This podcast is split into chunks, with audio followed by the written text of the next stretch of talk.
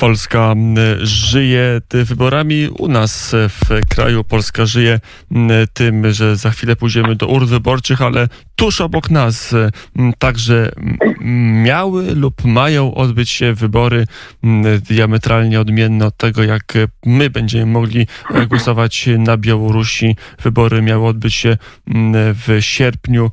Czy się odbędą? Kto będzie startował tego? To trudno mi jest Państwu jednoznacznie powiedzieć, bo sytuacja jest bardzo napięta. Kolejni kandydaci, konkurenci Aleksandra Łukaszenki trafiają do aresztu przy telefonie Aleksy Ciekawicki, wicenaczelny telewizji Bielsat. Dzień dobry. Dobry wieczór. E, dobry wieczór, dzień dobry. Rzeczywiście sytuacja chyba niespotykana od lata, a może w ogóle w historii niepodległej Białorusi niespotykana. E, na, na, na Białorusi masowy protest społeczny przeciwko działaniom rządu Aleksandra Łukaszenki. Jak to wygląda? Tak, to prawda. Sytuacja jest bardzo napięta i rzeczywiście dość niespotykana. Od wielu lat, być może jeszcze w latach 90. mieliśmy do czynienia z takimi e, protestami. Natomiast e, w ostatniej dekadzie po brutalnym stłumieniu protestów e, po wyborach czegoś takiego nie było. Teraz mamy sytuację, kiedy to ludzie protestują nie tylko w Mińsku, ale w także w małych miasteczkach, praktycznie w całym kraju. Akurat e, w tej chwili odbywają się e, protesty w Mińsku, w Baronowiczach, w Lidzie, w Bobrójsku, e, w, w dziesiątkach innych małych miast. Po prostu poziom niezadowolenia i, i złości, bym powiedział, ludzi jest bardzo, bardzo wysoki.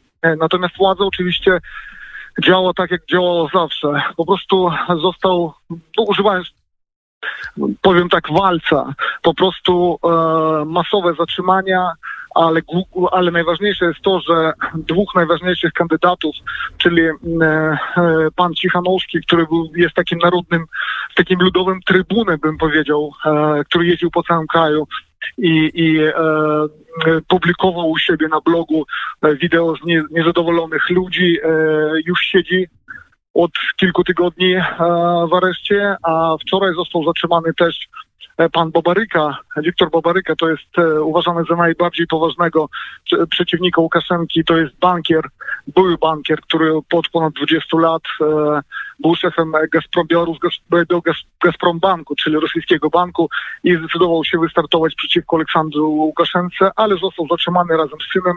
I teraz władze zarzucają mu kierowanie grupą przestępczą, czyli mówią o tym, że było dużo machinacji, przekrętów w jego banku za czasów jego szefostwa. Zatrzymano też około 15 pracowników tego banku. No więc e, e, niestety mamy, mamy do czynienia z falą represji. Mm, fala represji, pod jakimi zarzutami e, są zamykani e, kolejni kandydaci, e, konkurenci Aleksandra Łukaszenki, kandydaci na prezydenta i czy wycofała się także inna bardzo poważna kandydatura, czyli żona Cichanowskiego, która jakby w jego zastępstwie chciała kandydować, napisała tak. na blogu, że się wycofuje, bo jest zastraszana, a ludzie z jej sztabu, z jej struktur są zamykani pod byle pozorem. Jak to wygląda?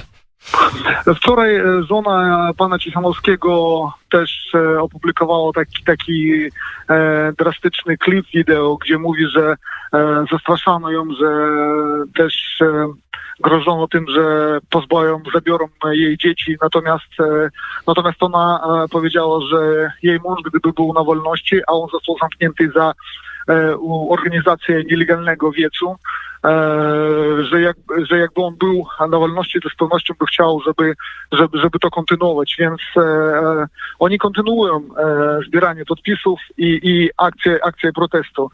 E, dzisiaj jeszcze został e, też aresztowany jeden e, z opozycjonistów starej daty, pan Hubarewicz, też za, za to, że no, to jest dosyć absurdalne, bo on brał udział w pikiecie i zbierał podpisy za siebie ale to też uznano za e, nielegalną akcję i on został zamknięty. No a sam Bobaryka, Wiktor Bobaryka, bankier, jak mówiłem, e, został zatrzymany. E, dzisiaj nawet prezydent Łukaszenka mówił o tym, że tam było pełno przykrętów, że to jest burżuj, więc trzeba go rozliczyć teraz się za to wzięto, ale z drugiej strony, co my wiemy o Wiktorze Babaryce, na ile to jest postać niezależna, bo też pojawiają się informacje, nie wiem na ile e, kolportowane przez, e, m, przez Aleksandra Łukaszenkę, przez jego służby, e, że to jest osoba no, będąca w jakimś sensie na pasku Kremla, na pasku Gazpromu.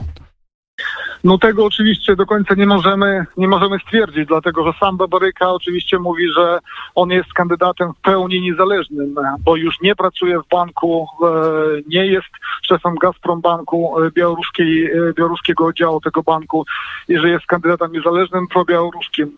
Natomiast oczywiście po tylu latach, po, po ponad 20 latach pracy dla takiej instytucji, który jest, którą jest Gazprom, Trudno oczywiście, trudno jednoznacznie stwierdzić, że to jest osoba całkiem niezależna. Oczywiście Rosja też się odżegnuje e, i mówi, że e, nie ma żadnego swojego tak zwanego kandydata na tych wyborach. E, Natomiast, e, natomiast niewątpliwie e, Moskwa e, też odgrywa swoją rolę.